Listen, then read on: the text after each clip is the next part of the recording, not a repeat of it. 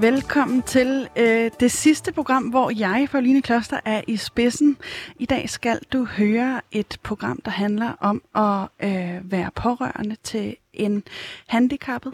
Øh, måske endda stå i skyggen for en, en, øh, en, en handicappet. Det gør du i hvert fald, Christine Hanbjerg. Velkommen til. Tusind tak.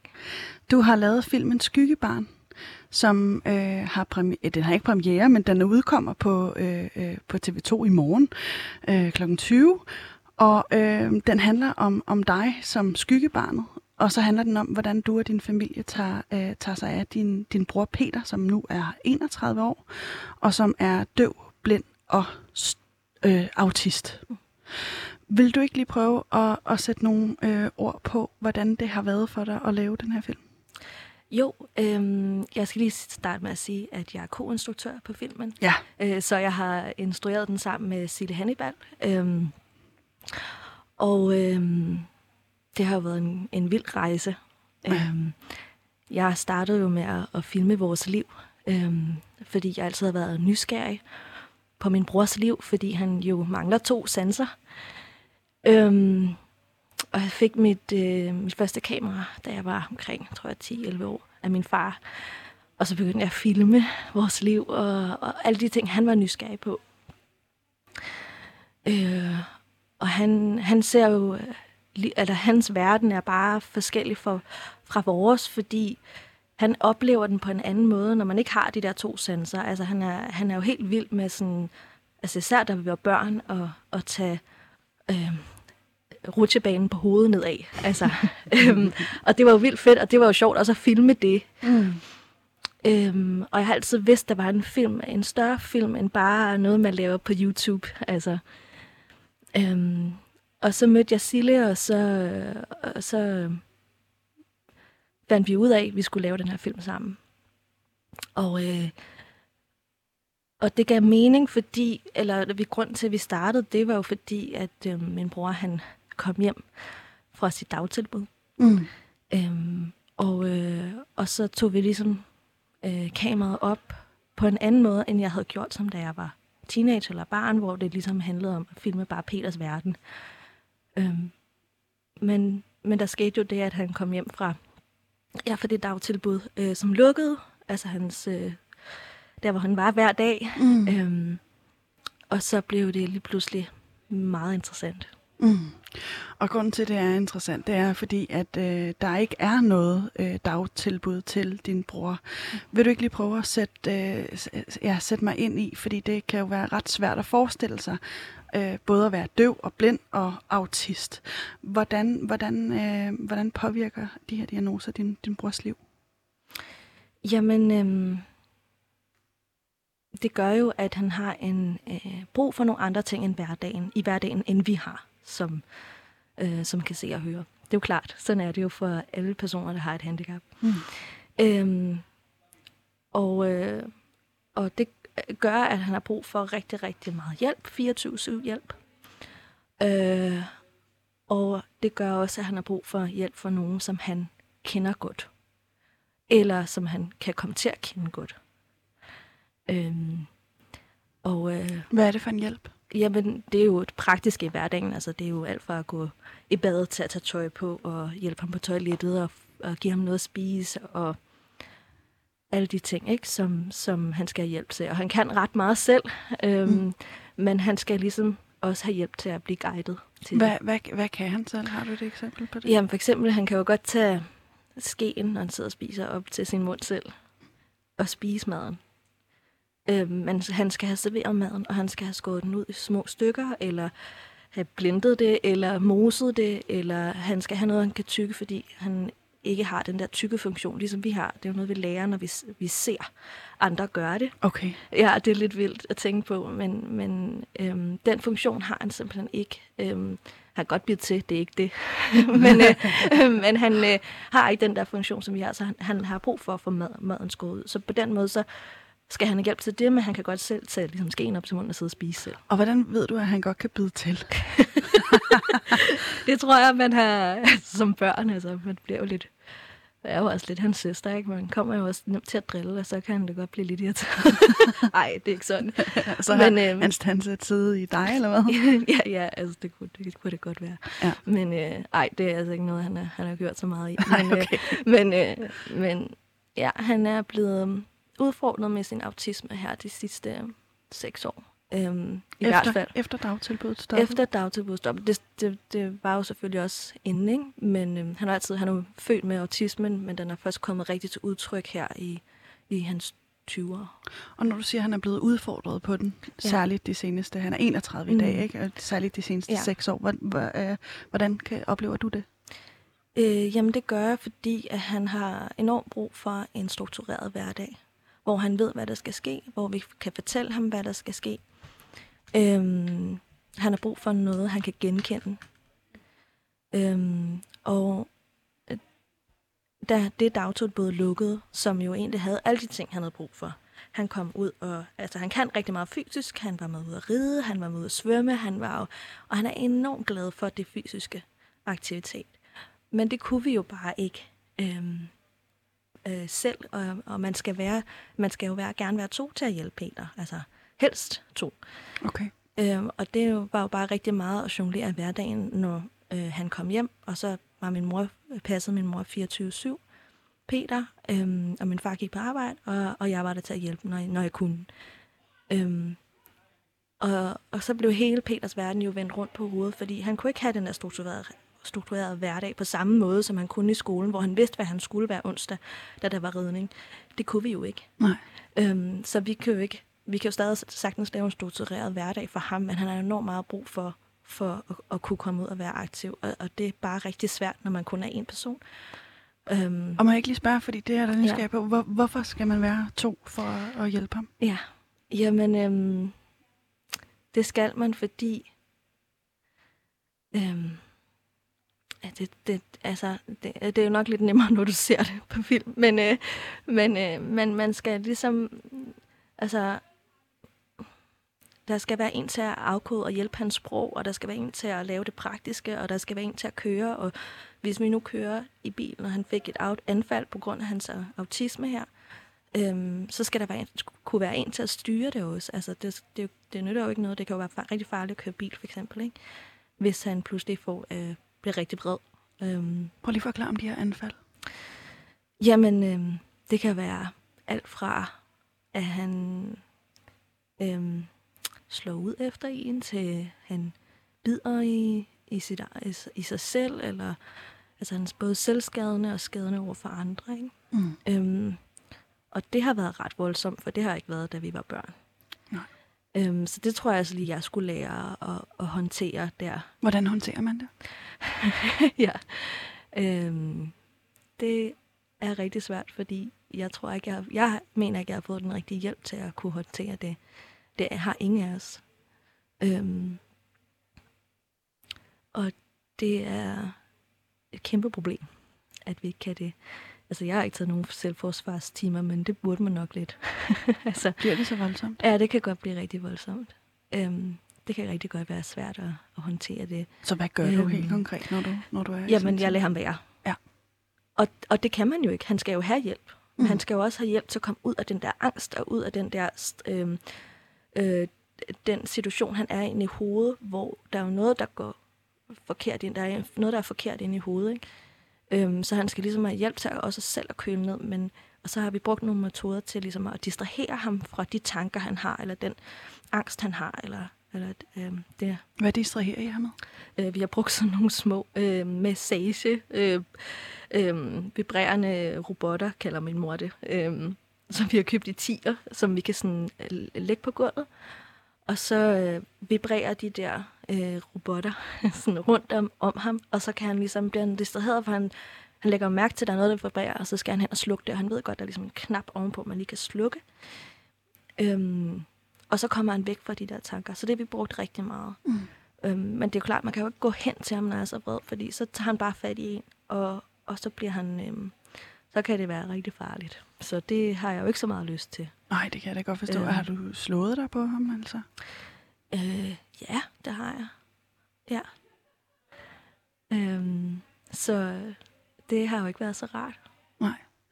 Øh, og når man er både døv, blind og har øh, autisme, så er der Mm. jo en, en øh, så er kommunikationen øh, virkelig udfordret. Mm. Øh, altså fordi det, det kan jo, man, man går jo nærmest i sin egen øh, boble, ikke? Altså hvis man bare lige prøver at lukke øjnene og holde sig mm. for ørerne, så er det et rimelig klart signal på, der, der det er, altså, uh, ikke? Mm. Der er to i Norden, øh, der har hans diagnose.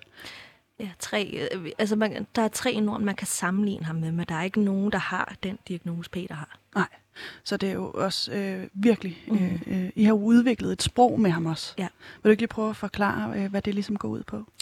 Jamen, øh, vi bruger taktil tegnsprog, og det er, um, øh, taktil betyder berøring.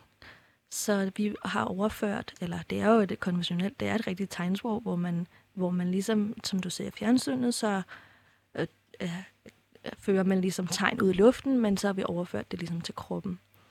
Øhm, så vi kan snakke, så jeg tager hans hænder i mine, og så fører jeg hans hænder, når jeg skal snakke med ham, og så vender jeg ligesom mine venner hænder rundt, og så kan han snakke med mig.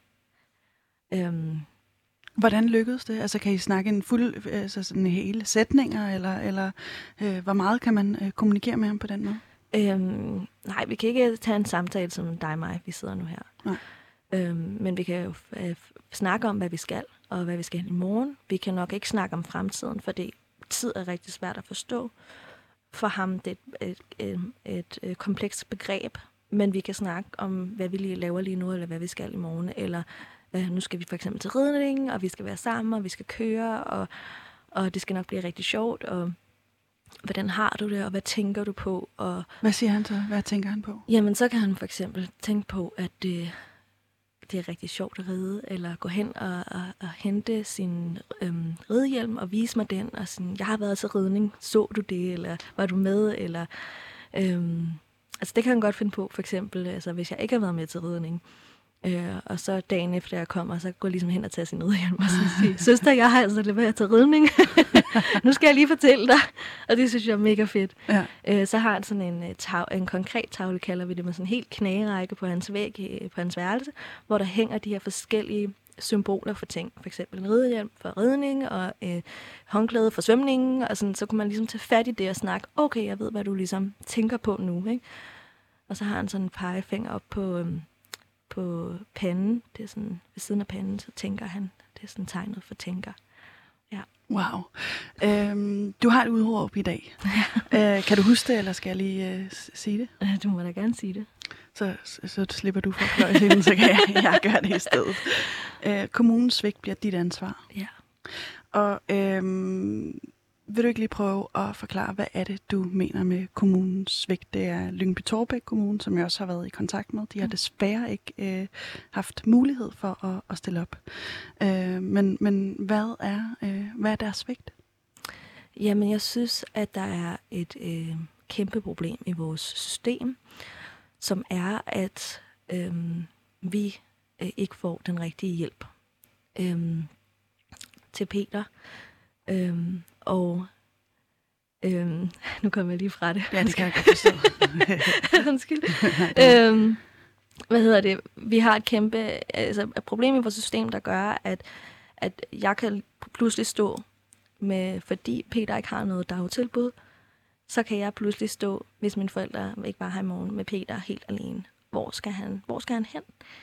Øhm, og det er der, hvor jeg synes, at kommunen totalt svigter os som pårørende til personer med handicap. Øhm, og det er jo ikke kun den eneste ting, der, der, der, der gør, at de svigter. De, de svigter også på, på hjælpen. Det er øh, den hjælp, jeg får, øh, og den hjælp, jeg kan give Peter. Altså, øh, og, øh, og så, har, altså er det jo sådan, at jeg kan ikke bare, lige nu er situationen sådan, så at jeg kan ikke bare gå ud og tage et fuldtidsjob. Altså, så har jeg ikke nogen, så er der ikke nogen, der kan hjælpe mine forældre, fordi jeg er den eneste, der kan øh, hjælpe Peter ud over mine forældre. Og det kan jeg, fordi jeg kan snakke hans sprog, og jeg, kan, jeg ved, hvad hans mimik er, øhm, og jeg ved, hvordan han tænker. Og det kræver bare meget at lære at kunne forstå, men man kan godt, vi kan jo sagtens lære nogen op i det, men det nytter bare ikke noget at sende en fra kommunen, som hver anden dag, som kan hjælpe en lille, lille smule med det praktiske, hvis de ikke kan forstå Peter. Og så det nytter jo ikke at sende en ny hver hver anden dag. Vel? øhm, så kan vi bruge meget mere tid på at lære den person op, end, ja. end, øh, øh, end vi rent faktisk øh, kan få fri. Ikke? Så, så på, hvad, ja. hvad er det for et konkret øh, behov, du ønsker fra kommunen? Jamen, jeg ønsker, at der skal være en, øh, der skal være den rigtige hjælp. Er det to personer, der kan være fuldtid? Øh?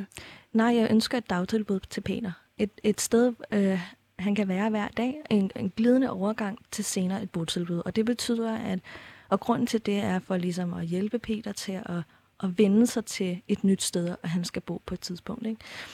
Så jeg ønsker, at han kunne få et dagtilbud, hvor at øh, jeg kan gå på øh, job hver dag, at få et fuldtidsjob, og jeg kan komme og besøge ham. Øhm, og øh, øh, han kan sådan få en glidende overgang til et botilbud. Ikke? Øhm, og, hvor, hvorfor eksisterer det her botilbud ikke, som det ser ud lige nu, fra dit perspektiv? Godt spørgsmål. Øh, jeg kan sige, at øh, Lyngby Torbæk har været øh, inde over sagen, og de har ja. udtalt til øh, øh, det grønne område, som er en lokal avis for Lyngby Torbæk Kommune, at øh, det er meget belastende, og de øh, taler om vidtgående og et alvorligt handicap, uden at gå konkret ind i, i sagen ved at... Øh, øh, ja, undskyld, nu troede jeg lige lidt rundt i navnet. Øh, når uden at gå konkret ind i sagen, vil de sige, at det ikke er tilfredsstillende, at der ikke er fundet en, en løsning, og navnet vender jeg altså lige tilbage mm. med om et øjeblik. Ja. Ian Meyer. Øhm, Jon, Jon, Jon Meyer. Ja. Jon Meyer, ja, ja lige ja. præcis. Ja. Øh, fra Lyngby Torbæks mm. Kommune. Hvad tænker du om sådan en udtalelse? Øh, altså, at der ikke er fundet noget konkret tilbud. Hvad er, ja, at de synes, det er utilfredsstillende også ja. selv, at der ja. ikke er fundet et konkret tilbud. Er det, er det ikke et lille skulderklap at sige, øh, jo? Jo, men hvorfor gør de så ikke noget? Altså, vi har, det er seks år siden, Peter han kom hjem fra sit dagtilbud. Og der er stadig ikke, der har ikke været noget konkret tilbud. Vi har ikke fundet, altså kommunen har ikke, det er jo deres pligt til at hjælpe os i, til, at finde et, øh, til at finde et sted til Peter. Det er ikke os, der skal ud og finde et sted. Øhm, så jeg, jeg har sådan, hvorfor er det ikke sket noget? Mm. Og det, der er sket, det er øh, lange ventetider, mange møder, og, og det sidste, der ligesom er blevet, øh, der er kommet tilbage, det er, når de gerne vil starte en åben dialog. Er det deres ansvar, når der kun er tre øh, personer, med, altså, der kan sammenlignes med Peters øh, diagnose? Det er det, hvad? Det er da ligesom, altså, hvorfor har, skal Peter ikke have de, kunne have de samme rettigheder, som jeg har? Altså, det synes jeg, der er for dårligt. Øh, og han har jo ret til hjælp. Han har ret til den hjælp. Og hvorfor får han den så ikke? Er det kun, øh, taler du kun på vegne, altså når du siger det her, er det så kun på vegne af Peter, eller er det, er det hele handicapområdet, eller hvordan, hvordan det er det? hele handicapområdet. Fuldstændig. Og jeg hører det så mange steder. De samme, øh, fuldstændig de samme historier om, at, at der er ikke den rigtige hjælp. Øh, I stedet for, at der bare... Øh, øh, den ene sag efter den anden, som man kan så få lov til at anke, og, og den ankesag, den kan tage over et år, eller hvor mange øh, lang tid den så kan tage, og så kan kommunen så lave en ny revurdering af den sag. Så det, det er jo bare en uendelighed af, af sager, der kører, øhm, og det ved jeg også på grund af en million stemmer, som er øh, en bevægelse, Monika Lythoff har været med til at starte. Og øhm, øh, jeg synes, hun er en mega stjerne, fordi hun kommer også ud og fortæller om andre folks historier, også hendes egen. Hun har også øh, tre børn med, med, med handicap. Ja. Ja, jeg har faktisk også lavet ja. en historie med hende på et, ja, okay. på et tidspunkt. Ja. Øh, men prøv lige at forklare mig, mm. er, det, er, det kun, øh, er, det, er det kun Lyngby Torbæk Kommune, du retter pilen imod? Eller, øh, altså, hvad? Nej, det er hele systemet. Fuldstændig. Hvad er der øhm, galt med det? Jamen, der, det, der er galt med det, det er, at, at også som pårørende, vi står med det her kæmpe ansvar. Altså, at jeg skal øhm, tage en beslutning om, øh, at jeg skal ikke have et, øh, altså et fuldtidsjob, fordi ellers kan jeg ikke hjælpe min familie. Altså så står min familie uden hjælp. Det er jo fuldstændig til grin, at, at der ikke er noget, den rigtige hjælp til Peter. Det er seks år, der er gået. Altså det er jo ikke en par måneder eller et års tid, eller sådan. det er jo seks år. Og jeg synes, det er et kæmpe problem, at vi står med altså, alt det her ansvar på, på, på skuldrene. Og jeg siger heller ikke, at, at kommunen skal tage ansvaret, eller systemet skal tage ansvaret, men jeg, jeg synes, der burde være en ligevægt, og det er der ikke. Mm. Hvad frygter du? Jeg frygter, at øhm, det fortsætter, at der ikke bliver gjort noget ved det, fordi handicapområdet altid har været sådan et besværligt område, som politikerne, ikke har lyst til at tage sig af. Det er ikke noget, de gider stille op med, altså fordi det er bare sådan, åh, det er bare besværligt. Og det er et kæmpe problem, for der er så, så mange mennesker, der er pårørende til personer med handicap, eller som kender en, som har et handicap, eller har brug for ekstra hjælp, eller har en funktionsnedsættelse. Øhm, så det er jo helt sindssygt, hvor mange danskere bare vi er. Øhm, og det synes jeg, der burde være mere fokus på i vores politik generelt. Er der øhm, er det, fordi det åbenlyse er jo, at det er jer som mm. pårørende mm. og Peter, det går ud over, mm. altså den handicappede. Mm. Øh, er det, er, er, er, øh, er, er det, gør det bredere ud end, end, end jer? Øh, altså går det ud over samfundet fra mm. dit perspektiv også, eller hvordan, hvordan anskuer du, hvem det ligesom går ud over? Jamen, 100 procent. Altså, det er jo samfundet, fordi det er også øh, ja, borgere, personer, på, altså de pårørende, som skal stå og gribe de der problemer, som, øh, fordi der er ikke den rigtige hjælp, fordi der, kan, der ikke kan gives den rigtige hjælp. Altså jeg har jo for eksempel, altså i min, min øh, Skyggebarn-filmen, som kommer ud i morgen 2040, den øh, handler jo rigtig meget om øh, min rolle som søster, og hvad det vil sige at være pårørende til, til, til øh, Peter, øh, men også øh, i den film har jeg jo ligesom, tager jeg jo ligesom et valg om, hvad skal der ske, hvis hvis vi ikke kan få den rigtige hjælp? Hvad skal der ske, hvis øh, mine forældre er 7 13 ikke er her i morgen? Øh, og det valg er, at, at jeg gerne vil være Peters væve. Øh, og det er jo et kæmpe ansvar, synes jeg selv. Øhm, og det tager jeg, fordi at jeg kan se, at der er der begge er et system, der griber Peter, hvis der er. Altså, jeg er bange for, at han vil en ud som en kartoffel eller en grøntsag. Øhm, øh, og ikke får den rigtige hjælp, og ikke får øh, det, han har ret til, den hjælp, han har ret til. Ikke? Og nu øh, er du selv inde på det. Kommunen svigter, og det bliver dit ansvar. Mm. Øh, hvis vi lige prøver at spole tiden tilbage, så, så øh, tager du et, et ansvar allerede, da det, det går op for dig på en eller anden måde, eller du bliver i hvert fald et skyggebarn allerede, det gør, da det går op for dig, at der er noget galt. Mm. Det gør det først, da du kommer i folkeskolen. Vil du ikke lige prøve at fortælle, hvad er det, du oplever der? Jamen, jeg synes jo generelt, at samfundet øh, er bygget op på, at øh, altså har i hvert fald været der rigtig længe, og jeg synes, det er blevet bedre, men jeg synes stadig, at samfundet bygger op på, at det er forkert at være unormal. Altså, det er forkert at være handicappet, og det er et tabu, det er et kæmpe tabu at snakke om, og øhm, især da jeg kom i folkeskole, altså, folk kiggede jo og pegede, og, men de spurgte ikke ind til det, fordi det var, det, var, det var forkert at snakke om, det gjorde man bare ikke.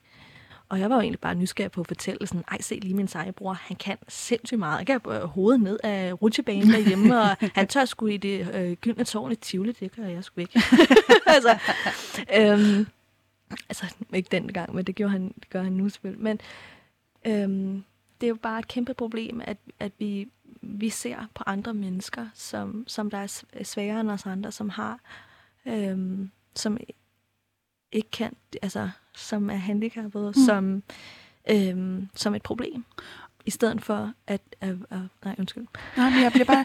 fordi da du kommer i skole, og det går mm. op for dig, at, mm. at jeres familie er anderledes, hvordan mm. går det op for jer? Eller for dig? Jamen, altså, det går jo op for mig, fordi de står og, og kigger rigtig meget. Og jeg synes, det er rigtig ubehageligt, at folk kigger. Og, jeg sådan, altså, øhm, og så bliver, det, bliver jeg hurtigt den der øh, pige med øh, den handicappede bror. I stedet for bare Christine, Altså, øhm, og det synes jeg var mega irriterende. Altså, fuldstændig. Øh, og jeg tror også, der var nogen, der ikke synes, det var så rart at komme hjem til mig og lege, fordi der Peter var der jo, og det var lidt mærkeligt. Øhm, heldigvis... Hvordan, hvorfor har du det indtryk, at, at de ikke kunne lide det? Jamen, øhm, det, det, er meget, altså, det er jo meget kropssprog, ikke? Altså, det er jo tydeligt, når Hvordan? man kan se. Jamen, folk synes, det er mærkeligt at ikke spørge ind til det, og Øh, eller ikke fordi de ikke skal spørge, øh, øh, ikke spørge ind til det, men ja, man får jo den der fornemmelse af, at, at der er noget, som er ubehageligt, ikke? Altså, og som er unormalt, og det skal man helst ikke snakke om. Altså, det synes jeg, det synes jeg var meget klart, at... Øhm, Hvordan navigerede du i det? Øhm, jamen, jeg tror, jeg blev ret hurtigt meget følsom øh, og lukkede mig ind i mig selv, for jeg var sådan, nå okay, men så må det jo også være mig, der er noget galt med, fordi mm, Peter er noget galt med, og så, nå okay, ja ja, og så trykkede jeg det jo også selv ned. Jeg fik jo aldrig snakket, jeg snakker jo ikke om det i folkeskolen andet end min bedste veninde Emma, men øh, øh, men hun har accepteret det også virkelig hurtigt. Og, altså, jeg kan huske, at hun var i hvert fald med på også at lege med Peter og, og, og være sammen med, med mig og ham, ikke? Fordi jeg var jo så vant til at lege med Peter, for jeg havde jo ikke andre søskende på den måde, som, som kunne, som kunne, som kunne altså, lege sammen med ham. Så jeg, jeg synes, det var en, en leg, en fest, da jeg var mindre, fordi jeg kunne bestemme, at vi skulle lege. og så Emma, hun accepterede det der, ikke? Øhm, og det synes jeg var, var mega, mega fedt at være i den, altså være i, i, i noget, som, hvor jeg kunne slappe af. Men jeg synes jo, det var mega grænseoverskridende, når, når man så kom i skole og blev den der følsomme person, mm. som, øh, hvor jeg følte, jeg skulle gemme det, hele det der liv væk. Ikke? Og øh, dengang, svigtede kommunen allerede der? Eller, eller, øh? Altså, det har jo altid været en kamp med kommunen. Fuldstændig. Altså, vi har jo haft altså, 43 sager, og der har altid været en sag, lige så længe jeg kan huske. Øhm, øh, I hvert fald 43 sager, og, og, og det er jo vildt at tænke på, øhm, fordi vi har fået medhold i 60 procent af de sager. Så det betyder også, at det er værd at kæmpe for. Øhm, men ja, kommunen har altid været der, og, og det, det trådte bare først rigtig kraft for, for mit vedkommende, at det var, at det var det gik jo også ud over rigtig meget over mig, da Peter kom hjem for det dagtilbud der for seks år siden. Ikke? Mm. Og så, hvad så? Ja, hvad så? Ikke? Ja. Men inden, inden da, der, mm. der har I egentlig et, et et øh, funktionelt liv. Hvor meget mm. ansvar tager du? Altså, tager du ansvar for hans velbefindende allerede som barn? Det er klart, det gør man. Altså, ja, det, eller det gjorde jeg. Altså, jeg hjalp jo til, hvor jeg kunne, ikke? Og, og satte ham hen til bordet og hjalp ham med at give ham tøj på om morgenen, og kan jeg da også huske, jeg har gjort. Og det blev bare meget naturligt. Jeg har aldrig rigtig tænkt over, at det var mærkeligt eller øh, anderledes. Altså sådan, vi hjalp jo hinanden, og øhm, ja, altså helt klart, at jeg har tilsidesat lidt mig selv for, for Peter nogle gange, ikke? fordi han skulle have den hjælp. Ikke? Var det svært for dig at finde ud af, hvem du var uden, uden det? Øhm, ja, fordi jeg føler lidt, at jeg, han er en del af mig. Altså fuldstændig. Fordi jeg ligesom er hans, jeg er hans sprog, jeg er hans, det er den måde, han kan fortælle videre på. Ikke? Det er, at jeg går hen til ham og snakker med ham. Øhm, eller min mor, eller min far selvfølgelig, ikke? Men, men det er klart, at vi, var bare, vi er bare så afhængige af hinanden. Du kommer på efterskole på et tidspunkt, mm. og der øh, bliver du lynhurtigt sat i bog som sådan øh, en morrolle. Øh, du er jo vant til at tage enormt meget ansvar for din bror, og det tager du ligesom med dig videre, øh, øh, da du kommer på efterskole. Vil du ikke lige prøve at sætte nogle ord på, hvordan du oplevede det? Øhm, jamen, jeg synes, det var en meget svær tid, og jeg tror at jeg er kommet fra en folkeskole, som heller ikke rigtig fungerede så godt for mig. Øhm, og og jeg tror, jeg var bare vant til at tage det der ansvar. Jeg blev meget hurtigere sådan lidt mere moden, siger min mor også. Altså, det er jo ikke noget, jeg selv synes, det er også noget andre så, ikke? Og, øhm, og så tror jeg, at jeg blev meget mere også forsigtig, fordi, og, altså, øh, følsom person. Øhm, og det er bare nemt at slå ned på dem, der er følsomme og forsigtige, ikke? Øhm, og der blev slået ned på dig, mm, eller hvordan? Ja. Hvordan?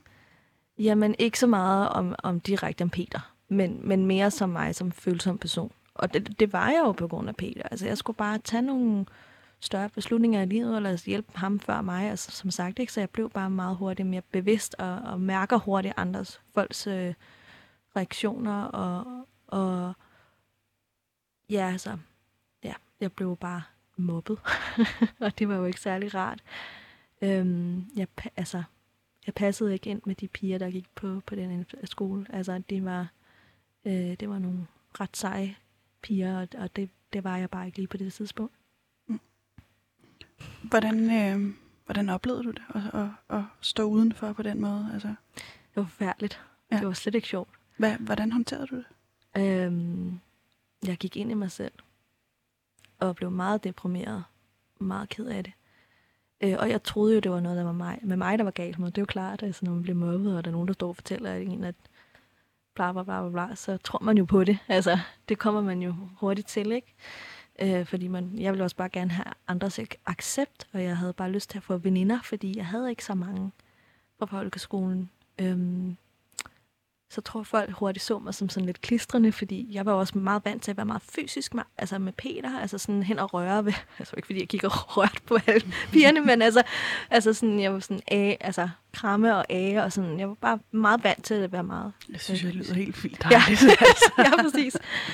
ja. Øhm, men jeg har også fortrængt meget af det, det har jeg, altså helt sikkert, for det var bare en sådan sort periode, og jeg endte jo med at stoppe øhm, på efterskolen et halvt år inden, fordi jeg kunne bare simpelthen ikke holde det ud og være, være der. Øhm, og jeg havde egentlig bare lyst til at være hjemme i weekenden sammen med, med Peter.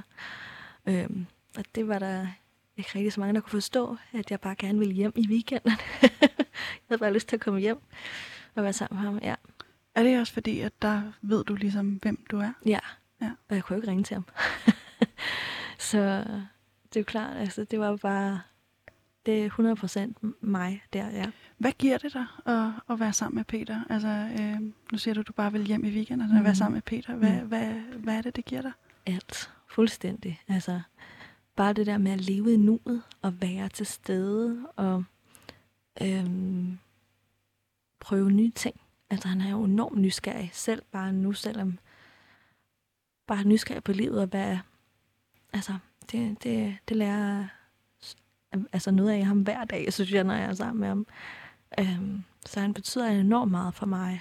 Øh, altså, han er jo min bedste ven. Selvom jeg ved ikke, om han vil sige det samme. det håber jeg. Men altså, jeg kan måske bare være lidt krævende nogle gange. det er godt nok en krævende bedste ven, ikke? Altså, wow. Øh, da du kommer i gymnasiet, der, mm. øh, der tager du ligesom skeen i den anden hånd. Den her mm. historie fra efterskolen skal ikke ligesom gentage sig. Du prøver mm. at skabe din identitet fuldstændig uafhængigt af Peter. Du siger ikke til nogen, at, øh, at du har en bror, der er handicappet og har alle de her mange behov. Øh, er det et bevidst valg, du tager? Ja, 100 procent. Altså, jeg var meget klar på, nu skal jeg være Christine, nu skal jeg være mig selv, og nu skal jeg ikke være hende der med den handicappede bror, og jeg skal ikke være følsom, og jeg skal ikke dit der dut og dat. Øhm, jeg skal bare øh, have, have nogle nye veninder, og igen, altså, jeg var bare sådan, jeg skal have nogle venner og veninder. Altså, det havde jeg jo ikke på folkeskolen eller efterskolen, så jeg var sådan, jeg vil bare gerne have nogle gode veninder. Ja, øhm, men jeg oplevede jo altså, med samme, den samme reaktion. Altså det der med, fordi jeg kunne ikke gemme min følsomhed. Altså den var der jo. Mm. Og jeg kunne ikke gemme mig selv væk. Altså jeg ved ikke rigtig, hvad jeg havde tænkt, men, men det er jo det der med, at man i gymnasiet, man vil bare gerne øhm, lykkes i klassen. Øhm, Gør og, du det? Nej. Altså, det, altså i gymnasiet? Ja. Nej, det, det gjorde jeg ikke. Nej, hvordan øhm, ikke? Hvordan ikke? Jamen, jeg fik jo faktisk de samme ting at vide, at jeg var klistrende, og jeg var følsom for meget, og altså, oplevede det samme mobning faktisk. Og, og de vidste altså jeg fortalte jo aldrig i min klasse, eller til nogen, at bortset lige fra, jeg tror, nogle meget, meget få, øh, meget tætte veninder i 3.G, slutningen af 3.G. Der fik du nogle gode Ja, der fik jeg nogle gode veninder fra en anden klasse, øh, som, øh, at jeg, så jeg fortalte ikke nogen, altså det var kun dem, jeg ligesom, fordi de også var hjemme hos mig, øh, og vi skulle lave noget studie, og så var det jo muligt at undgå, at jeg ikke lige sige, min bror er her, altså hvis, hvis I ser ham, så er det derfor, ikke? Altså, øhm, men jeg fandt jo rigtig hurtigt ud af, jeg, efter gymnasiet også, ikke? at den del havde jeg ikke lyst til at gemme på mig selv. Altså, fordi... Nej, fordi det må jo betyde, at du har levet i et dobbeltliv i hvert fald i tre år, ikke? jo, Altså, jo. hvor meget hjælper du Peter på det her tidspunkt? Der var meget øh, øhm, svigter kommunen deres ansvar på det her altså, tidspunkt? det var faktisk først lidt efter gymnasiet, men jeg hjælper jo stadig derhjemme, og var jo stadig meget... Altså, hvis mine forældre skulle noget, så øh, var der jo også til at passe ham, ikke? Hvor meget af, af din tid vil du skyde på, at du brugte på at hjælpe Peter, da du gik i gymnasiet?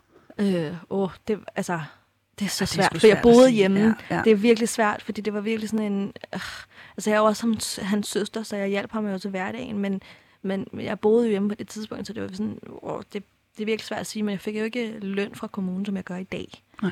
På samme måde. Øhm, fordi der havde han jo hjælp, der var han jo dagtilbud, og vi kunne have en normal hverdag. Min mor gik på arbejde, min far gik på arbejde, jeg var på øh, gymnasiet, og og det var mega fedt at have den der. Vi havde jo, vi var jo normale. Vi følte, vi var normale mennesker. Ja, så havde vi Peter, men, men han, vi kunne jo godt tage ham med rundt på det tidspunkt, og vi kunne også tage ud til nogle venner, og, kunne, og så havde vi en aflastningsfamilie også på det tidspunkt.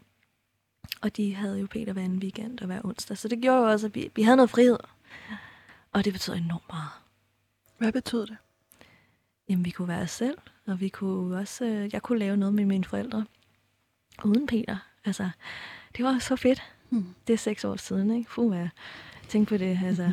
ja, øhm, og, og altså, vi kunne også tage ud og rejse, og vi kunne gøre nogle ting sammen. Altså, jeg kunne tage øh, ned til, til Lømpe med min mors shop en eftermiddag, hvis vi havde lyst til det. Altså, øh, det kan vi jo ikke lige nu. Nej. På samme måde. Nej. Øh, fordi så stopper øh, øh, Peters dagtilbud. Du begynder Mm. at interessere dig, øh, altså det har du gjort længe, men for film, Mm. og du tager på et tidspunkt på, til Æbletoft. Mm. Øh, vil du ikke lige fortælle øh, om den situation? Jo, altså jeg har jo altid interesseret mig for film. Øhm, og har altid lyst til at... Har altid haft en drøm om, at jeg gerne ville til USA. Øhm, og studere, over, øh, studere derovre et år efter gymnasiet. Ikke? Havde Mm. du det? Ja, det havde jeg. Men jeg kunne ret, ret hurtigt godt se... Altså, Hvad, må jeg spørge, hvad, ja. Hvad ville du der? Altså, hvad? Jamen, altså, jeg havde lyst til at gå på sådan en universitet, eller et sted, hvor man kunne la- altså, øh, lave praktisk film, øhm, og, og bo derovre og, og opleve USA. Det havde jeg altså haft en drøm om. Hvordan Øhm. forestillede du dig det? fedt. altså, jeg ved ikke, hvad jeg skal sige, men, men det, det, det, var lidt, det var altså en drøm lidt. Altså, jeg skulle det. Øhm, men jeg kunne også bare godt se, sådan, det duede jo bare ikke. Og min mor var også lidt rigtig syg på det tidspunkt, lige efter gymnasiet. Og sådan. Der, var bare, der skete bare rigtig mange ting, som, som gjorde, at jeg kunne bare ikke tage afsted et år for mig selv. Og jeg havde så også lige mødt min, min kæreste på det tidspunkt. Min, Det må, det må også være Ja, en, en, Øhm, så der var mange faktorer, der spillede ind, ikke? men jeg havde altid lyst til det. Og så, øhm, så startede jeg så på Filmhøjskolen i Æbeltoft, hvor øhm, øh, nogle år senere, fordi at jeg stadig havde den her drøm om, at jeg skulle lave film i et år, ikke? Altså for mig selv, altså sådan sammen med nogle andre selvfølgelig. Men sådan, jeg skulle, jeg skulle, jeg skulle gøre det nu, inden, inden man blev for gammel til det, eller inden der ikke var mulighed for det, ikke? Altså, øhm, og det var jo rigtig fedt, fordi det var jo bare Applesoft. Der kunne jeg jo nemt komme hjem i weekenderne, og jeg kunne nemt gøre de ting, jeg gerne ville øh, på højskolen, men, men samtidig have øh, hjælp mine forældre, altså hvis de havde brug for det, og, og komme hjem rigtig hurtigt, og altså jeg kunne komme hjem på hvad, 4-5 timer eller sådan noget, altså øh, hvis de havde kritisk brug for hjælp, ikke? Og den der, det var en mega stor ro, at jeg stadig kunne lave det, jeg gerne ville, men samtidig kunne være der på 0,5 næsten. Men du sætter jo også meget, altså du læser jo ikke Mm. på samme vilkår som dine medstuderende. Altså du, du er meget hjemme og Mm. øhm, tager ekstremt meget ansvar for din bror, ikke? Mm. Øhm, hvordan skaber du, altså det er jo også nogle meget afgørende over alle dem her, vi snakker om nu, ikke? Fordi det, det er der, man lærer, øh, hvem man er, og Mm. skaber sin, sin identitet og Mm. alt muligt. Altså, føler du, du kom på- kompromis med dig selv for at være noget i kraft af din bror? Nej, altså jeg følte, at jeg fik udlevet drømmen der på Æbeltoft. Ja. Ja. Eller der i, høj, i højskolen der. Fordi jeg, følte, jeg fik bare så mange fantastiske venner, og det var det fedeste år, altså Okay. fuldstændig. Nå, det er jeg glad for. Øh, ja, ej, men det var virkelig, virkelig godt. Altså jeg fik lige, jeg tænkte lige, åh oh, nej, det er efter skolerum igen, ikke, inden jeg starter, fordi det er sådan lidt højskole, det var lidt det samme koncept, men hold kæft, det var fedt. Altså, men det var også, og det var folk med fra hele verden, der kom der, ikke, så det var, det var meget forskellige typer, men alle sammen lidt nørder, og det var lidt fedt. Øhm, så jeg, jeg, jeg synes egentlig, at, at øh, det var fedt nok, fordi jeg netop kunne komme til at lave film. Så var det godt nok ikke USA, men jeg var en, jeg tog en, før Æbeltoft var jeg lige hurtigt, hurtigt, en måned i New York, hvor jeg var på en, en filmskole derovre, som jeg sparede op til, ikke?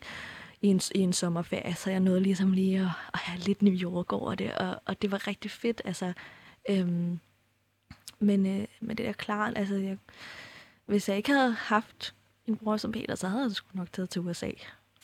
Hvad er det, filmene øh, giver dig? Altså, hvorfor er det, at det lige netop er det, der er blevet dit interessefelt? Tror du, er det et pusterum for, for, for alt ansvaret? Mm. Eller, eller, Mm. ja, vil du ikke lige? Jo, altså det er klart, at man kan nemt gemme sig bag et kamera. så er det ikke mig, der er på, så er det alle mulige andre.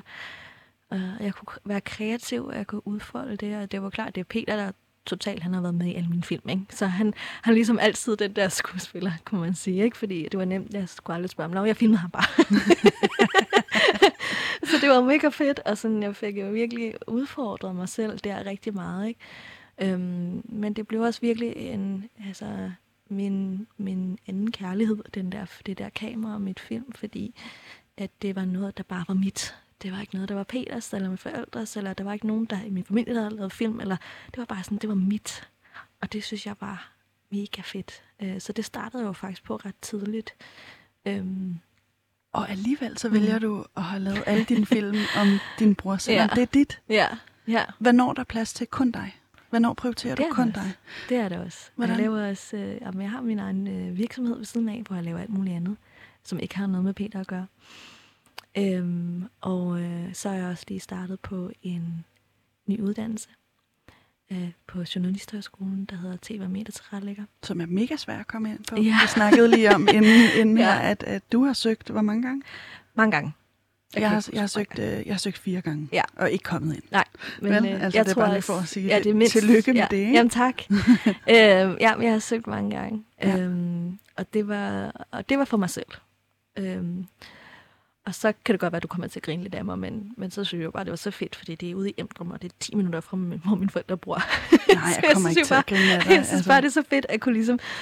Altså, jeg ved godt, det var måske noget af det første, jeg tænkte på, da jeg kom ind. var sådan, ja, fedt, fedt, fedt. Og sådan, det er også fedt, at jeg kom ind. Men det er 10 minutter fra, hvor min mor og far bor, så jeg kan hurtigt lige komme hjem og en eftermiddag, eller jeg kan hurtigt se dem, og sådan, det er ikke i Odense og, og, eller i Aarhus, hvor, øh, hvor journalisterskolen jo også er. Men øhm, jeg synes, det var, det var så mega fedt. Og så, så samtidig synes jeg, det var mega fedt, for jeg havde prøvet mange gange. Ikke? Og jeg havde lidt givet op, for jeg tænkte, nej, jeg kommer, jeg kommer ikke ind. Jeg ved ikke, og jeg ved heller ikke, hvad det var, der gjorde den her gang, at jeg så kom ind. Men, men jeg sagde i hvert fald til dem, at jeg, nok, jeg bliver bare ved med at søge, så jeg kan lige så godt bare tage mig ind ud. det sagde jeg samtidig. Ja. Sagde du det? Ej, ja, det, det sagde jeg. Sådan, ikke? ja. Øh, men, men, men, men igen, så øh, er der også sådan en jeg får i hvert fald sådan lidt en, en skyggevibe. Mm. Eller sådan, at du stadig øh, lader dit liv øh, omdreje om din bror med ekstremt mange behov. Mm. Hvad, hvad er dine behov, og hvordan kan du ligesom tage ansvar for, for dine behov? Hvornår, hvornår gør du det? Jamen, altså, jeg synes jo, at det er enormt rart, det er rart, at jeg kan tage hjem til min egen lejlighed på Nørrebro, hvor jeg har mit eget liv med min kæreste, og kan få luft. Det kan mine forældre jo ikke. Så jeg synes, jeg prioriterer mig selv rigtig meget ved at, ved at kunne, kunne det. Og, øhm, Men det er også dine forældres barn, ikke? Jo, jo, det er rigtigt. Øhm, men så jeg synes egentlig, at jeg giver mig selv rigtig meget øh, frihed til det. Jeg, jeg også, altså prioriterer mig selv også meget ved at lave de film, jeg gerne vil. Ikke? Øhm, og gå på den skole og have det liv sammen med min kæreste. Hvordan, øh, hvis du har sådan en aften hjemme i din lejlighed på Nørrebro med din kæreste, hvordan ser en rigtig Christine aften ud? og så ligger vi nok bare på sofaen og ser øh, film. og film og film og serier. Vi elsker serier. Og så spiser vi god mad, vi har lavet selv, og det elsker vi. Det gør vi næsten hver aften. Det er så godt. det er den måde, vi slapper mest af på. Øhm, øh, ja, vi har ligesom hver vores side af sofaen. Det er meget vigtigt. Vil du Ej. sige, du er trådt ud af skyggen? Nej, fordi så tror jeg ikke, at filmen ville hedde Skyggebarn. Og det er jo en film, der også er lavet i nutid. Selvom den er filmet over fire år, ikke? Øhm, så øhm, nej, det er jo ikke. Altså, det kommer ikke til, for Peter han får et dagtilbud. Fordi jeg skal hele tiden være der for ham og prioritere ham også. Eller, og det gør jeg jo min eget valg. Jeg kunne jo godt bare sige, værsgo mor og far, her, tag Peter, jeg gider ikke mere. Og, kunne og, du det? Jeg men det kunne jeg da godt. Men det har jeg jo ikke lyst til. Det har jeg ikke lyst til, at jeg ser, at mine forældre bliver slidt ned af det arbejde, tunge arbejde, de har. De har ham jo 24 støv. Han sover jo og spiser og går i hvad, og de får jo ikke 10 minutter for mig selv nogle gange. Ikke? Og, og jeg er den eneste, det der med, at hvis jeg bliver syg, og de havde planlagt et eller andet, så er der ikke nogen andre. Så må de aflyse det, de skal. Ikke? Og det har enormt meget brug for også bare at give dem det frirum som, som datter og som søster til Peter. Altså, øh, og jeg vil ønske, at jeg kunne give dem mere, men det kan jeg bare ikke, altså, for jeg skal jo også have mit eget liv. Og det ved jeg, at de, de også, mine forældre også synes, de kræver jo ikke af mig, at jeg skal, jeg skal være der øh, overhovedet. Altså, øh, men jeg har også sagt ja til at, at, at tjene penge ved at passe min bror, ikke? Ja. Så det er jo selvfølgelig også en pligt, jeg har. Hvor, hvor, hvor, hvor meget tid bruger du på det? altså jeg får jo løn for 6 til 7 dage om måneden, ikke? Men det er nok lidt mere end det. jeg tør ikke sige, hvor meget. Altså nogle gange bliver det jo også lidt... Øh, det er lidt altså blurry lines, altså fordi jeg er også derhjemme og bare er søster og datter. Så, øhm, og så sådan, jeg synes også, at det ved jeg ikke, om mine forældre synes ville være en del af jobbet, men jeg synes, det er en del af jobbet også at ringe, ringe til dem hver dag og høre, hvordan det går, og aflaste deres tanker lidt. Altså, det betyder også enormt meget for mig, at jeg kan, at vi kan, vi kan snakke sammen rigtig meget. Så det bruger vi meget tid på, så, når jeg så ikke kan være der fysisk. Og så øhm, øh, snakke med dem og høre, hvordan det går, og ja, høre, hvordan Peter har det. Og øhm, det er bare en, en, en kæmpe gave, at vi kan bruge hinanden til det. Hvordan, øhm, jeg tænker bare, du, du tager så meget ansvar, ikke? Mm. Altså, øhm, forestiller du dig, at du kan komme ud af, af skyggen? Ja, som sagt. Det, det tror jeg godt. Men det kræver bare, at Peter han får dagtilbud, hvor vi kan komme tilbage til vores hverdag. Altså, og min far kan gå på pension og have frihed og sidde og, og, og lave frimærker, hvis han ville det. Altså, uden han skal blive forstyrret. Altså, sådan, sådan, på den måde har jeg det jo også. Altså, jeg vil også ønske, at øhm, vi kunne starte et dagtilbud, som senere kunne blive til et botilbud, hvor han kunne bo der hver dag, og jeg kunne, jeg kunne komme og besøge ham. Ikke? Øhm, og der tror jeg selvfølgelig, at en stor del af den der skygge vil forsvinde. Men jeg vil jo altid være hans lille, lille søster. Mm. Ja, øh, og, og nok også øh, hans væve. Ja. Øh, I har lavet et testamente for, for, for Peter. Øh, vil du ikke lige prøve at forklare, hvorfor har I det? Jamen, øh, det startede også lidt med, med den her film, ikke? fordi at Peter han kom hjem fra dagtilbud for seks år siden, og så øh, tog vi ligesom kameraet op og, og begyndte at filme, og, og så blev der også lidt en naturlig snak om det her med, jamen, hvad skal der egentlig ske, mor og far? Fordi jeg begyndte at have de her spørgsmål til, hvad så skal jeg, altså regner I egentlig med, jeg skal være, hvem skal passe p, altså hvem skal, hvem skal stå på papiret? Altså jeg havde alle de her, sådan, hvad med det økonomiske, hvad med, altså hvad forventer I egentlig af mig? Mm. Altså har I en forventning om, at jeg vil være der hver dag, eller at han er med til alle juleaftener, eller sådan, hvad, hvad er det? Øhm, og så, altså det blev ligesom en naturlig del af samtalen, ikke? Og så, øhm, så øh, besluttede vi os for at lave det her testamente, hvor at der står, at når mine forældre ikke er længere, og mange, mange, mange, mange år, har jeg sagt til dem, så, så vil jeg gerne være Peters væve. Hvad vil der ske, hvis du ikke tog den rolle? Frygter du? At øh, Peter ikke vil få et værdigt liv. Nu bliver jeg helt rørt, men det er jo den største frygt. Altså, og det tror jeg bare, der er så mange, der sidder med både søsne og forældre. Hvad skal der ske med vores børn, mm. når vi ikke længere er der? Eller fordi det her system, vi har, altså det fungerer bare ikke. Hvordan får man det system øh, til at fungere fra dit perspektiv? Øh, godt spørgsmål. Måske skulle man være lidt, give lidt mere end bare en åben dialog i kommunen. Øhm, man skal jo få den hjælp, man har ret til. Altså, vi har jo ret til den her hjælp, at få den hjælp til Peter. Vi har jo ret til et dagtilbud. Problemet er, at det findes ikke. Og så har vi kommet med alle mulige løsninger på, hvordan vi så kunne oprette et tilbud, der kunne være øhm, eventuelt øh, et sted, der havde de fysiske rammer, hvor vi så kunne hyre hjælpen øh, udefra ind. Ikke? Øhm, fordi hvis, hvis personalet ikke har kompetencerne til at hjælpe, det kunne jo godt være. Øhm, men det vil, det vil systemet, eller kommunen jo ikke gå med til. Øhm, det er de givet afslag på. Øh, og det er derfor, de har sagt, at så kan vi jo starte en åben dialog om, hvordan vi så kan gøre. Og ved, altså, min mor, hun har simpelthen været så kreativ. Jeg synes, det er så sjovt. Jeg kan ikke, jeg kan ikke lade være med at grine, fordi hun har foreslået. Man kunne også øh, man kunne købe sådan en mobile, mobile home. Mobile home. så kunne man jo køre rundt med Peter. og så kunne man hyre hjælpen. Altså, mm. Men det er jo for dumt, altså, at man ikke kan få den rigtige hjælp. Og det, og det, det kan jeg bare ikke... Altså, jeg, jeg ved ikke, hvad der skal til, for jeg synes, det, det er rigtig svært, men, men, men lige nu, der har de, de steder, altså kommunerne, som sidder med alle de her sager, jeg mener ikke, de har de rigtige kompetencer til at kunne hjælpe. Og det skal der være, og det skal vi finde en løsning på. Og det er også det, Monika Lylloff siger, som er ja, fortaler for en million stemmer. Så øhm, det, det synes jeg virkelig er mangler. Og det er bare et kæmpe problem, at, at, at de mennesker, der sidder dernede i kommunerne, ikke har de rigtige kompetencer. De ved ikke, hvordan de skal hjælpe. Og ved man, hvad de rigtige kompetencer er? Det kunne for eksempel være nogen, der vidste noget om øh, døvblindhed. Vi har jo for eksempel hyret hjælp udefra til at kunne fortælle kommunen, jamen Peter har brug for det her, det her, det her, og det siger professoren her, det siger lægerne her, det siger overlægen der, og det siger...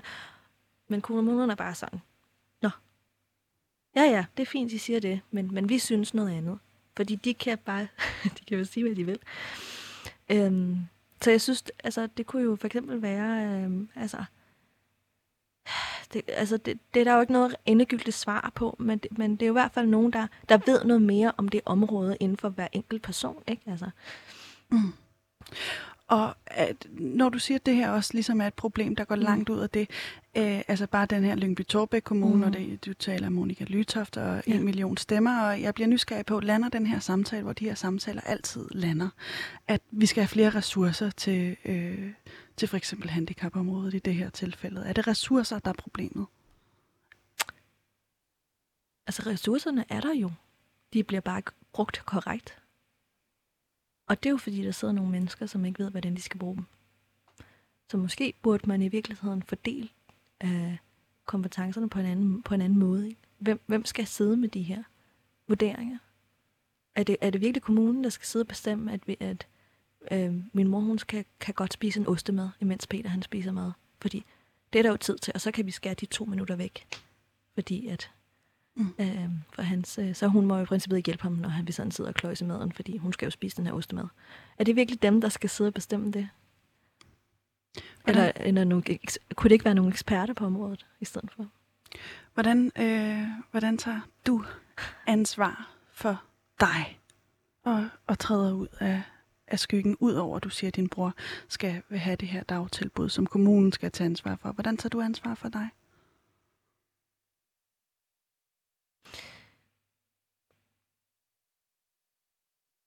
det ved jeg ikke, om jeg kan lige nu. Altså, jeg kan gøre det så meget som muligt. Jeg ved ikke, om du vil have noget konkret svar på, hvad jeg sådan ligesom gør i hverdagen. Jeg er nysgerrig på, hvordan din fremtid ser ud, hvis du skal tage ansvar for dig.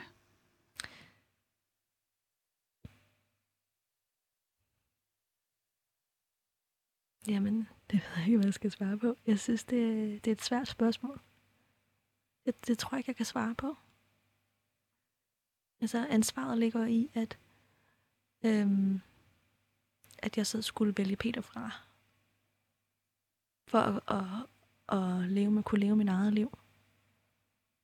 Øh, og det har jeg jo ikke, ikke lyst til. Altså, han skal jo også være en del af mit liv, men selvfølgelig på den præmis, at han har sit eget, og jeg har mit eget, og vi kan have det liv sammen. Og ikke, at han skal bo hjemme hos mig, fordi der ikke er et eller andet botilbud lige pludselig, når vi så kommer dertil. Vel? Altså, Sådan skal det ikke fungere. Nej. Der sætter du en streg i ja. sandet og tager ansvar for ja, dig. helt sikkert. Det øh, blev ordene for i dag. Øh, vil du ikke lige sige, øh, hvordan kan man, udover man kan se filmen lige om lidt i morgen på mm. TV2, så kan man også se den på TV2 Play. Hvordan kan man følge dig? Man kan følge mig på øh, Instagram, hvor Peter og jeg vi har vores Instagram-konto sammen. Alright. um, og hvor vi lægger små øh, øh, historier op fra vores hverdag. Um, og øh, det er bare mit navn, Christine Hanberg. Og ellers kan man se øh, filmen i morgen på TV2 2040, eller på TV2 Play ligger den også. Er du nervøs for, at den kommer ud? Ja, er du sindssygt. Det bliver man spændt, mest spændt. mindre nervøs, mest spændt. Altså, jeg har også øh, søgt efter at skulle fortælle vores historie, for jeg ved, der sidder så mange derude, ligesom os. Øh, og jeg vil gerne dele det. Christine Handberg, tusind tak, fordi du var min gæst i dag. Skyggebarnet kan altså findes på TV2 Play fra i morgen. Du har lyttet til det sidste program af Udråb med mig som vært. Jeg hedder Pauline Kloster, og tusind tak, fordi du har lyttet med derude nu.